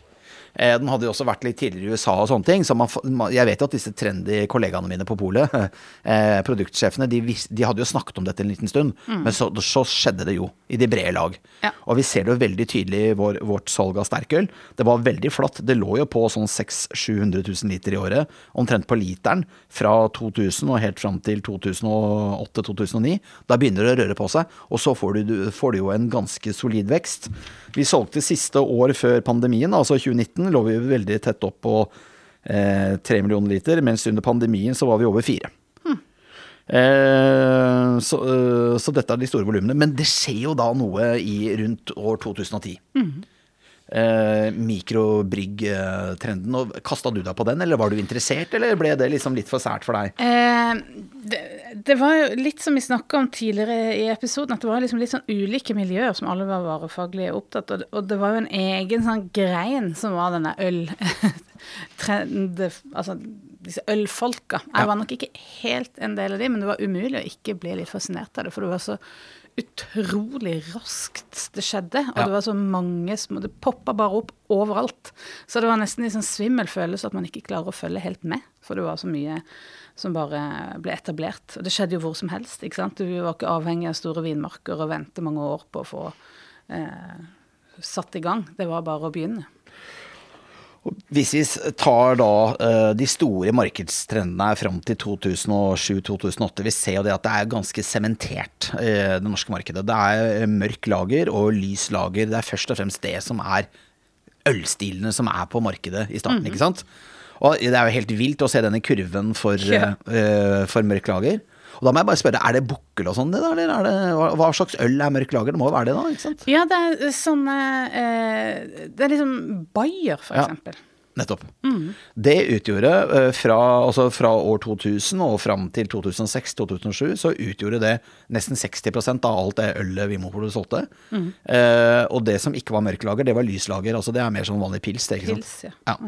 Eh, så, og og det lå på 40 og etter hvert litt ned mot, mot 30% lyslager, mens da mørklager var, var, var, eh, var 60% Så hovedbildet av markedet i hele denne perioden hvor det var ganske stabilt, altså totalvolumet var ganske stabilt Og dette er jo på polet, det er jo litt viktig å ja, og det er jo fint at du sier det. Altså, I Norge, eh, før pandemien i hvert fall, så ble det solgt 250 millioner liter øl. Eh, Vinmonopolet før pandemien eh, 2,5-3 millioner liter øl. Så vi har da en drøy prosent av, av alt det ølet som selges i Norge, selges på Vinmonopolet. Bare så vi har tatt det. Så Ja. nå snakker vi om det, det vi snakker om, vi snakker om sterkølet, eh, håndverksølet som selges på polet. Eh, men, men uansett veldig interessant å se hvordan markedet da er så klart dominert av mørklager og lyslager. Og det som er veldig interessant, når vi, for nå har vi jo kunden, eh, kurvene helt fram til eh, 2022. Mørk lager nå er jo helt nede i 3 Altså det var For 20 år siden så var det 60% av ølsalget, mens nå er det 3 Det har gått rett ned. Det er helt vilt. Det er helt vilt. Så de som satt penga sine i mørk lager i 2005, de gjorde en uh, dårlig vurdering. Men si meg, Jens, er dette, som hvis man snakker om volum, ja. er det like stor Altså det er kanskje litt vanskelig å lese ut av disse tallene her akkurat vi har nå, men jeg vil jo tro at forskjellen i volum kanskje ikke er så stor, men det er liksom andelen er jo selvfølgelig mye mindre nå fordi vi selger så mye annet. ja, det er helt riktig. Og litersalget det, literssalget er jo mye mer øh, jevnere, for å si det sånn. Men allikevel, her er vi på populariteten. Og det er vi, må vi, vi, må, vi må nesten fokusere på andelen når vi skal ta med oss koronaårene. Ja. Eh, og uansett, det var ekstremt populært. Utgjorde 60% av ølsalget vårt tilbake inn i år 2000. Kan, så lite som 3% i år. Det, det er ganske vilt, altså. Ja, det er det. Ja. Eh, lyslag derimot, som var 40 eh, rundt år 2000, gikk jo stabilt ned til 2013. Der er det på et bunnpunkt. Og så er det, har det nå jobba seg sakte, men sikkert eh, opp igjen, og ligger nå på markedsandel på 35 omtrent. Eh, det som jo skjer, og så hvis vi da tar utgangspunkt i de tre store kategoriene først det, det, Den kategorien som kommer på markedet med full tyngde fra egentlig 2009-2010, det er jo IPA. India Pale Ale. Humleprega øl. Ja. Eh, Er det noe å si om den kategorien? Jeg kan jo ikke en ting, så du må, du må drodle her hvis det er noe å si om Ja, det dette. er, jo, eh, det er jo en veldig tydelig ølstil. Ja. Eh, Så, så det er jo en mer sånn aromatisk. Den er veldig sånn Det har en del Ofte, i hvert fall spesielt de som var rundt 2009-2010, var veldig bitre. Ja. Veldig aromatiske. Så det at det eh, Du føler på en måte at du får mye for pengene. Det er noe som skiller seg ut. Så, og, og, det, og dette med humleprega øl, det har jo Det er liksom som ikke det er noe bånd i markedet. Folk er jo veldig opptatt av eh, Altså nå går vi ned på liksom detaljer på liksom ulike typer humler. og så Det, er liksom, det flommer over av stilene som er varianter av IPA. Og det er veldig morsomt å se kurven her, for også fra år 2000 og fram til 2008 så selger vi knapt nok en liter av dette her. Altså det utgjør under 1 av eh, totale ølsalget vårt. Det er bare snakk om noen kasser omtrent på landsbasis, eh, på årsbasis. Så skjer det noe i 2009, og nå er det jo vår desidert Altså det er vår nest største ølkategori. Mm. det er bare slått av lyslager. Lyslager som da utgjør som sagt omtrent 35 av, av salget, mens eh, IPA ligger på en markedsandel på noe over 25% faktisk. Jeg hadde faktisk trodd at det var enda At IPA var den største andelen. Men, eh, men det er nok den det snakkes mer om. eh, Og at lyst lager fremdeles er liksom det som er det vanligste ølet. Men det som denne øltrenden også på en måte innebærer, det er jo det at vi får en underskog av nye kategorier. Altså Det blir jo et voldsomt fokus på mangfold, og vi har jo snakket mye om produktmangfold i denne episoden. Eh, og dette skjer under Kai, altså det er jo under hans regjeringstid, for å si det sånn. Og det, eh, og det hadde det nok gjort uansett, for å si det sånn, men eh, det vokser jo fram en stor interesse også for en rekke andre typer vinstiler, og f.eks. en sånn kategori som Pale Ale. Eh, nesten ikke solgt en liter av det tilbake igjen i 2000. Og det var også et vel forsvinnende lite salg av dette egentlig helt fram til 2005-2006. Men så utgjør det etter hvert så mye som en 7-8% av, av salget, hvis vi tar eh, Pale Ale først, ikke sant. Det, det, populariteten på en måte har uh, flata noe ut etter 2014-2015, men det er fortsatt en uh, signifikant uh, kategori. Og, og er den fjerde største på landsbasis uh, i år, faktisk. Eh, Så ser vi også det at eh, lys ale eh, Og hva skiller lys ale fra pale ale? Greier du å si noe om det, eller, Anne? Eller er det på en måte litt for spesielt interesserte? Egentlig så er de kategoriene også litt diffuse. Ja. Og at det er nok sånn De går litt over i hverandre eh, også. Eh, men det går jo eh, For pale er jo en, et engelsk ord for lys, Ja. ikke sant? Blek. ja, så dette, det her er det jo Ale er jo ofte en sånn, det som kalles overgjæra, som handler om gjæring å gjøre. Ja. Uh, mens lager er mer mindre fruktig, mer sånn kornprega øl. ja. Så eh, jeg er ikke helt sikker sjøl hva det ligger i forskjellen i peil og lyseil, men eh, Men det øker noe voldsomt fram til eh, 2010-2012, med en markedsandel på hele 10% og så ligger det da eh, i dag med ca. 5 Så der får du en tydelig topp rundt år 2010. Men altså, lyseil har jo også da blitt satt på kartet som en kategori eh, som har popularitet en dag i dag. Og det samme gjelder jo da surøl, som vokser markert i popularitet eh, fra 2006-2007. Eh, og, og, og, og på en måte eh, og ligger nå med en markedsandel på en 5-6% av det totale ølsalget. Eh, brown ale, scotch ale, det er jo mange øltyper som vokser i popularitet. Eh, og de gjør det. De gjør det kollektivt. Det, det, er, det er ikke sånn altså de, de, de, Denne interessen for alle disse vinene, ølstilene, den, eh, den treffer jo samtidig. Eh, mens det da er altså lyslager og mørklager som da taper popularitet. Og mørklager taper popularitet hele veien. Eh, det blir ikke noe revitalisert interesse for eh, mørklager. Lyslager har som sagt greid å, greid å snu fra, fra 2014-2015. Men det, det føyer seg jo inn i det der mønsteret eh, mot lys, lyst og lett. Eh, rett og slett fordi det er mørkt på forvet. Ja. Altså, det er jo eh, helt sånn pussig hvordan det er Det gjenspeiler seg i alle salgstall. Og også innenfor rødvin. Altså folk Ja. velger jo også vekk de tunge eh, vinene fra Sør-Italia. Man går heller for de litt slankere vinstilene fra Nord-Italia. Lysere, lettere. Lysere, lettere, også innenfor det som er rødt og mørkt. Eh, så det er en makrotrend som vi kan måle geografisk. Vi kan predikere, vil iallfall jeg påstå. Hvor det liksom, hvordan det vil endre seg fremover òg. Ja, ja, det kan vi kanskje gjøre. For at, uh, vi, vi vet jo hvor trendene kommer først i landet. Så vi, vi kan, Og det er, jo, det er jo Oslos vestkant, og sånn har det vært egentlig siden 60-tallet. Og kanskje før også. Men det har i hvert fall vært sånn i, i Norge siden 60-tallet. Det er et modent marked. Altså Vinhandlerbransjen har vi lært nå. Øh, vært til stede i Oslo sentrum siden 1780. Det er her du har altså, snart 250 år med tradisjon for, øh, for vinsalg i Oslo sentrum og i noen andre byer. Det er der du har det modne markedet. Eh, og, og så treffer da eh, Oslo, så er det jo også et mikroklima. Eh, det er jo noen av de varmeste områdene i landet ikke sant, eh, året igjennom. Eh, du kan se det bl.a. på varmekjær vegetasjon nede ved kysten, ikke sant, langs Oslofjorden og sånne ting. Så en kombinasjon da av modent marked og et ganske varmt og vennlig klima, stort sett. Kombinasjonen av de to tingene gjør nok at du ligger ganske langt fremme på, på trender og trendspredning. Eh, spennende. Er det sånn at vi rett og slett skal fortsette i neste episode og se eh, hvor tar dette mangfoldet oss? Hvor, eh, hvor går eh, Kai videre? Hvor eh, går vi? Det er veldig mye spennende som skjer i årene fremover, så det er bare, det er bare å gni seg i hendene og glede seg til en ny episode. Takk for at du hører på Vinmonopolets podkast. Har du forslag til et tema i podkasten? Send mail til podkast at vinmonopolet.no. I tillegg svarer kundesenteret deg på e-post, chat og telefon.